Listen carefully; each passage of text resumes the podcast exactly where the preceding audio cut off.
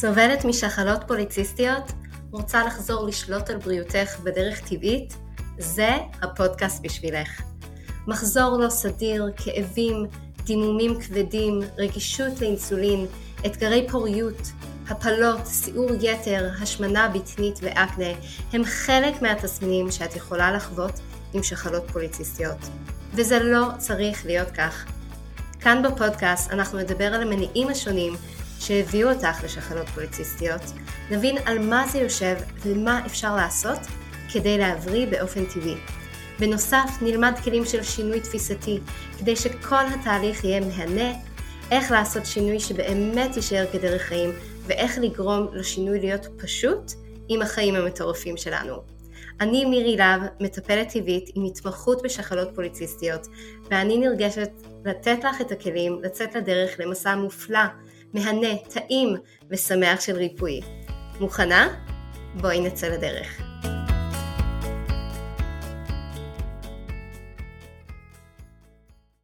היקרות, ברוכות השבועות לפודקאסט נהנות ומבריאות משחלות פוליציסטיות. אני מירי להב, והיום אנחנו הולכות לדבר על איזשהו נושא שבעצם עלה מכמה כיוונים. אז אני אעשה לכם איזושהי הקדמה להבין על מה, על מה אני רוצה לדבר. אז בעצם יש לי איזשהו מדריך לבדיקות דם. לנשים שכמובן מגיעות לליווי המלא, אני שולחת אותם לבדיקות דם מאוד ספציפיות, שעוזרים לי להבין מה קורה, מה קורה אצלכם בגוף. זאת אומרת, על מה הדברים יושבים. זה עוזר לנו להבין על מה אנחנו צריכות לשים את הפוקוס כשאנחנו באות להגיע להיפוך של חלות פוליציסטיות, וכמובן אנחנו מאוד מבינות גם דבר מתוך דבר מתוך הבדיקות האלה. הרבה מהבדיקות זה בדיקות באמת סטנדרטיות שהרופאים שולחים אליהן, אבל גם חלק גדול מהבדיקות שאנחנו שולחות זה בדיקות שלא שולחים אליהן בדרך כלל. עכשיו מה שאנחנו רואות זה שמדי פעם יש רופאים שלא מוכנים לשלוח לבדיקות האלה אמ, ולאחרונה גם הייתה מישהי שבאמת במסגרת איזושהי הדרכה שאני מעבירה אז אמ, אני אפשרתי לקבל גם את המדריך הזה אה, בנוסף. והאישה הזאת אמרה לי, תקשיבי, אני לא יודעת מה לעשות, אה, הרופא לא נותן לי לעשות את הבדיקות האלה. אז ההמלצה הראשונה שלי במקרים האלה זה למצוא רופא שתומך בך וברצון שלך לאיזשהו תהליך יותר טבעי, להסתכלות הוליסטית על הבריאות שלך, וברוך השם יש המון רופאים כאלה. אמ, ואחד הדברים באמת ש, שקורה זה שאני ממליצה לגשת לקבוצות וואטסאפ שכונתיות אה, של נשים, לשאול מי שמכירה רופא שתומך בכל העניין של בדיקות דם, אה, ריפוי טבעי, אה, ליווי נטורופטי ובדרך כלל הן מוצאות, זה יכול להיות גם קבוצות פייסבוק נגיד בעיר, ספציפית אצל נשים ובדרך כלל זה עובד, אנשים עוברות, מוצאות רופא שתומך בתהליך הזה, אה, וזה הרבה מעבר לתהליך של הליווי אישי, כי ברגע שיש רופא כזה, אה, זה ברכה, זה ברכה לבריאות שלנו וזה ברכה לבריאות של כל המשפחה שלנו. אז למשל עם הרופא שלי, כשאני לוקחת את הילדים שיש להם משהו, הרופא כבר מכיר אותי והוא יודע להגיד, אוקיי מירי, תקשיבי, זה האופציה היותר טבעית, ההסתכלות וזה, בואי תתחילי שם. אם זה יתדרדר מעבר לזה, מעבר לכל האופציות האלה, בואי תחזרי אליי ונראה מה אפשר לעשות.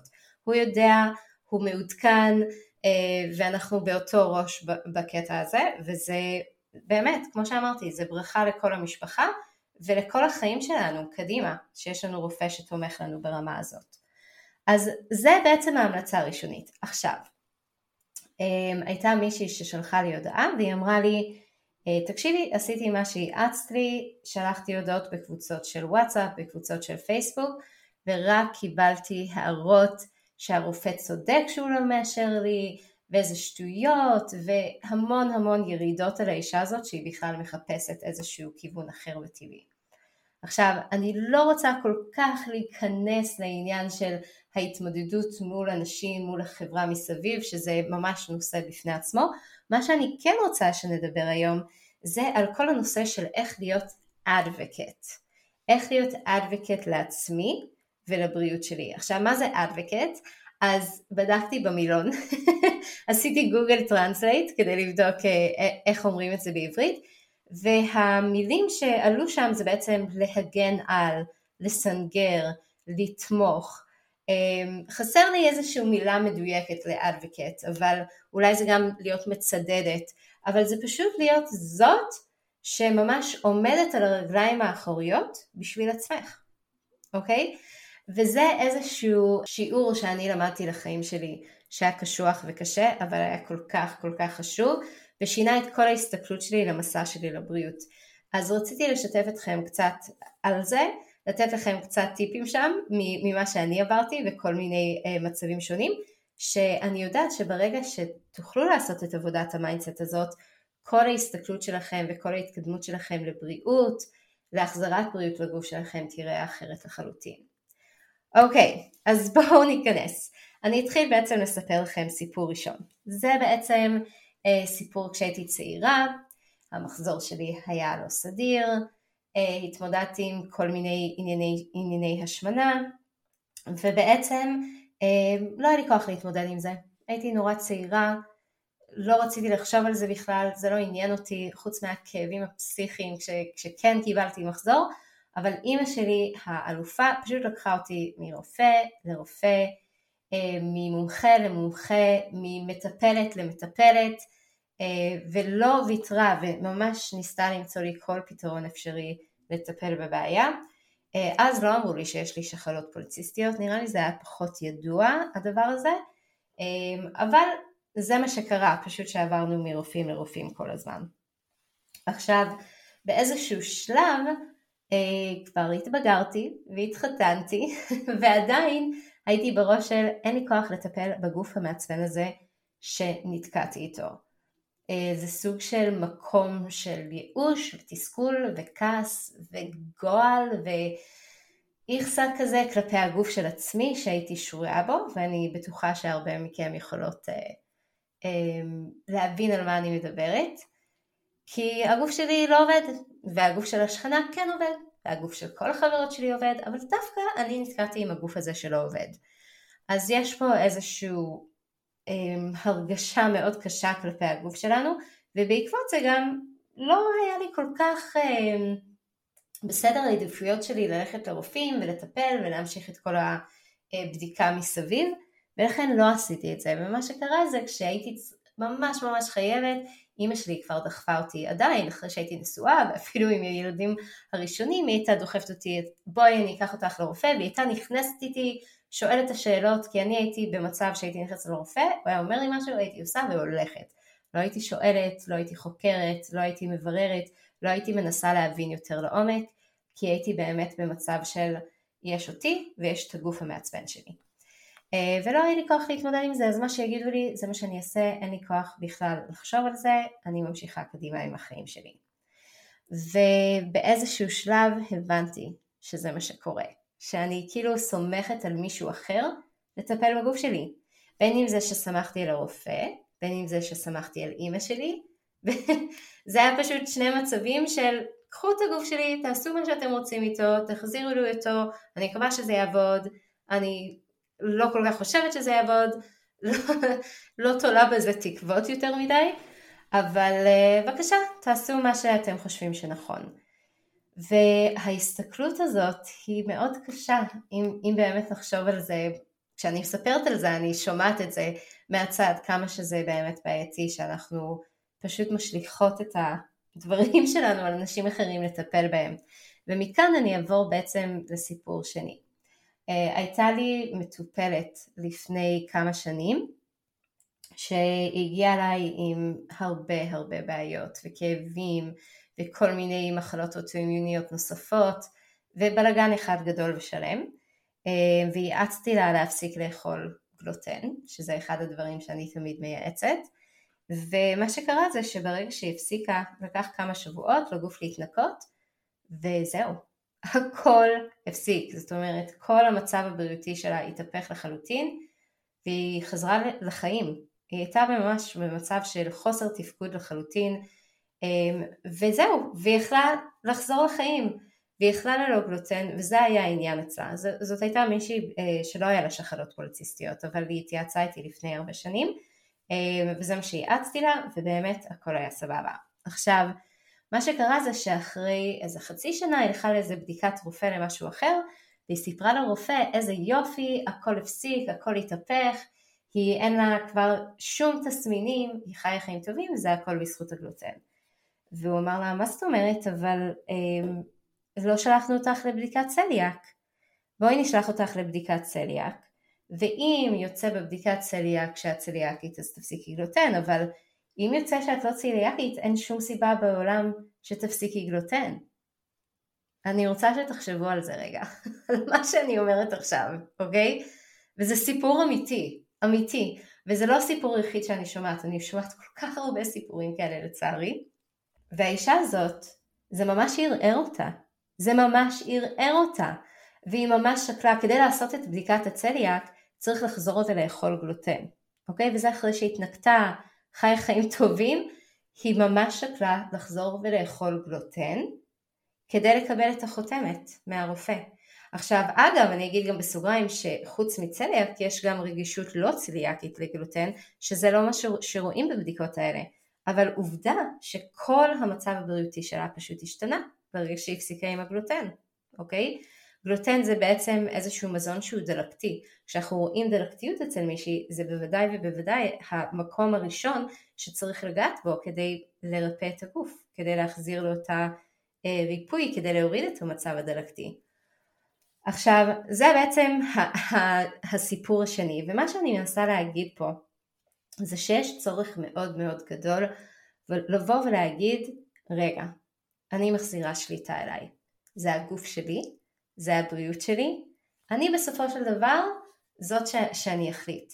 כן אני אתייעץ עם אנשים אני אדבר עם הרופא אני אבקש בדיקות אני אשמע את ההמלצה אני אתייעץ גם עם אימא שלי, אני אתייעץ עם חברות שלי, אני אתייעץ עם מירי, אני אתייעץ עם כל מי שצריך, אבל בסופו של דבר ההחלטה חייבת להיות שלך, ואת חייבת גם להיות ממקום של זהו, אני שולטת פה, זה הגוף שלי, ואני אחליט על זה, אוקיי? ואני אספר לכם עוד איזשהו סיפור. יש לי מישהי שהגיעה לתוכנית ליווי, וכחלק מה, מהפתיחה, מה, מהליווי האישי, החלק הראשוני של הליווי האישי, זה שאני מבקשת בדיקות שנה אחורה אה, וגם רשימה של כל התוספי תזונה או תרופות שהאישה לוקחת, זה מאוד חשוב לנו לבדוק מה המצב עכשיו ומה קורה וכדי שהכל יהיה מאוד מתואם. ואחד הדברים שבעצם ראינו זה שהיא לוקחת צמחי מרפא מאיזשהו מטפל אה, ואמרתי לה אוקיי מה יש בצמחי מרפא האלה והיא אמרה לי לא רק שהיא אמרה לי שהיא לא יודעת היא גם אמרה לי שהיא לא יכולה לשאול את המטפל כי זה סוד שלו, זה כאילו משהו שהוא סודי, זה הפורמולה שלו. אז אמרתי לה, את מבינה שאת מכניסה לגוף שלך משהו שאין לך מושג מה את מכניסה לגוף שלך? זאת אומרת, יש פה משהו לא הגיוני בעליל. עכשיו, אני בטוחה שאם היא הייתה שואלת את המטפל, הוא היה אומר לה בדיוק מה יש שם בפנים, כי זה ברור שזה לא רק הפורמולה שלו. אבל עצם המחשבה הזאת של אני מכניסה משהו לגוף שלי בלי לברר ובלי לדעת ובלי שיש לי רשימה מאוד מדויקת, גם אם אני לא מבינה את זה, אבל אם אני אצטרך חס וחלילה להגיע אמ, לטיפול, לרופא כי משהו קרה, או אם אני אעבור לאיזשהו מטפל אחר, חשוב שיהיה תיעוד של מה אני מכניסה לגוף שלי. כמובן שהשלב הבא הוא באמת לעשות קצת מחקר, לקרוא על הדברים, להבין מה קורה, לשאול את המטפל למה הוא נותן לי בעצם את, ה, את הצמחים האלה הספציפיים, אוקיי? אז, אז, מה שאני, אז זה כאילו הסיפור השלישי שמביא אותי למקום שאני רוצה להגיד לכם. הגוף שלך הוא שלך. את אחראית עליו. את הראש הממשלה של הגוף שלך. את האחראית הראשית על כל מה שקורה. ואני לא אומרת לא להתייעץ עם רופאים, אני לא אומרת לא ללכת לבדיקות, אני לא אומרת לא לשמוע את הדברים. אני אומרת שאת המחליטה הסופית על איך החיים שלך הולכים להיראות ומה את הולכת לעשות עם הגוף שלך. וזה חשוב, זה חשוב לשמוע, זה חשוב להתייעץ, זה חשוב שהכל יהיה מבוסס מחקר, אמ, אני מאוד מאמינה בזה, כל דבר שאני עושה זה, זה מבוסס מחקר, אמ, אבל צריך גם לדעת על מה המחקר מתבסס, יש מחקרים לצערי מאוד מאוד ישנים אה, ברפואה קונבנציונלית, לוקח 30 שנה עד שמחקר חדש מגיע לרופאים בשטח, שזה עוד משהו שמזעזע בכל מערכת הבריאות, אבל אבל חשוב, הדברים האלה חשובים, לשמוע את כל הדברים, ואז מתוך זה להגיע להחלטות על הגוף שלך, ולהבין את החשיבות של לקחת אחריות על הגוף שלך. ואני אסיים בסיפור אחרון, בעצם אה, זה סיפור על הבן שלי, יאיר המתוק, ש... שהוא חלה בקורונה לפני שנה בערך, אה, קצת יותר, ומה שקרה זה שזה הפעם שנייה שהוא חלה בקורונה והוא קיבל את זה לא טוב והוא גם ככה ילד שיש לו רגישויות אה, למזון והוא הגיע למצב שנהיה לו long covid. זה ההמשך של התסמינים קשים אחרי, אחרי הקורונה. ומה שקרה זה שהיה לו כאבי ראש מטורפים. ברמה שהוא היה מתקפל על הרצפה בכאבי תופת, לא היה אפשר לדבר איתו למשך איזה דקה, ואז התארך לכמה דקות, עד שזה כבר הגיע למצב שכל היום הוא התקפל מכאבים, לא רק בראש אלא בכל הגוף. עכשיו הלכנו מרופא לרופא, מבדיקה לבדיקה המון המון זמן ובינתיים הכל ממשיך ולהתדרדר כמו שאני מספרת עד שכבר שלחו אותנו לבית חולים. אה, הגענו לבית חולים אחד, לא ידעו מה לעשות איתו, לא היה להם אפשרות ל-MRI, כי המצב של ה-MRI בארץ מזעזע, אה, שלחו אותו הביתה באמירה שאין להם מה לעשות איתו והם לא יודעים מה לעשות איתו. אה, משם עברנו לבית חולים אחר, אה, ושם התחילו שוב סדרה של כל הבדיקות, שאגב חלק מהבדיקות היו בדיקות פסיכולוגיות, כי על פניו לא רואים שום סיבה בעולם שיהיה לו כאבים, גם בבדיקות הדם, גם אה, בכל מה ש... כל הבדיקות שהם עשו, אה, והם חשבו שזה יושב על משהו פסיכולוגי. הפסיכולוגית אמרה, הילד בריא לחלוטין, הכל בסדר. הביאו עוד פסיכולוגית, הילד בסדר לגמרי. הביאו פסיכיאטר, הפסיכיאטר אמר, אין שום בעיה עם הילד הזה. אז הרופאים הגיעו למסקנה, יש פה בעיה, אין להם פתרון לבעיה הזה. ברגע שהבנתי את זה אמרתי אוקיי, אני שולחת את הילד הזה לבדיקות אה, מעבדה בחו"ל שלצערי אין אותן בארץ, לרגישויות למזון כדי לראות מה קורה שם, כי אני יודעת שהכל מתחיל בתזונה, הכל מתחיל בתזונה. ומה שגילינו זה שבעצם המערכת החיסונית בגלל ה-COVID, בגלל הקורונה, התחילה לתקוף את, את אותו, את הגוף שלו. וכל דבר שהוא אכל הוא פשוט זיהה את זה כתוקף. כל דבר שהוא אכל יצר מצב דלקתי אצלו בגוף ויצר כאבים אצלו בגוף. ובבדיקות, בתוצאות בדיקה של רגישויות למזון שחזרו, הוא היה רגיש לכמעט כל אוכל אפשרי. ולדברים הזויים, מלפפון, גמבה, אה, תפוזים, בננות, אה, טונה, קשו, אה, אני מנסה לחשוב, ביצים כמובן, ידענו כבר על כל מוצרי החלב שיש לו רגישות, כל מוצרי הגלוטן חיטה, ברמה שבאמת לא נשאר לו הרבה לאכול. אמרתי אוקיי, מזל שהילד הזה נפל עליי, אין לי בעיה עם זה, והתחלתי להכין לו את כל הדברים שמותרים לו. תוך שבוע אה, כל הכאבים בגוף נעלמו, תוך שבועיים גם כל הכאבים בראש שלו נעלמו, הילד חזר לתפקד, חזר ללימודים אחרי שלושה חודשים שהיינו בבתי חולים והוא היה בכאבים, רק מעצם השינוי התזונתי הזה. אוקיי? עכשיו, העניין פה בסיפור הוא שיש הרבה פעמים שאנחנו מחפשים, מחפשים, מחפשים מה קורה עם הגוף שלנו, מה אפשר לעשות. יש פעמים שרופאים אומרים גם אין מה לעשות, זה המצב, ככה הוא צריך לחיות, וזה די מה שהרופאים אמרו לי בסופו של דבר בבית חולים, אנחנו שולחים אותו הביתה כי אין לנו מה לעשות איתו, אה, אפשר ללכת לקליניקה של כאב, לתת לו תרופות לכל החיים. ולא הסכמתי, לא הסכמתי, הייתי המצדדת שלו. הייתי המגנה עליו, המסנגרת והתומכת של הילד שלי, כי באמת כרגע הוא לא במצב שהוא יכול להגיע להחלטות האלה.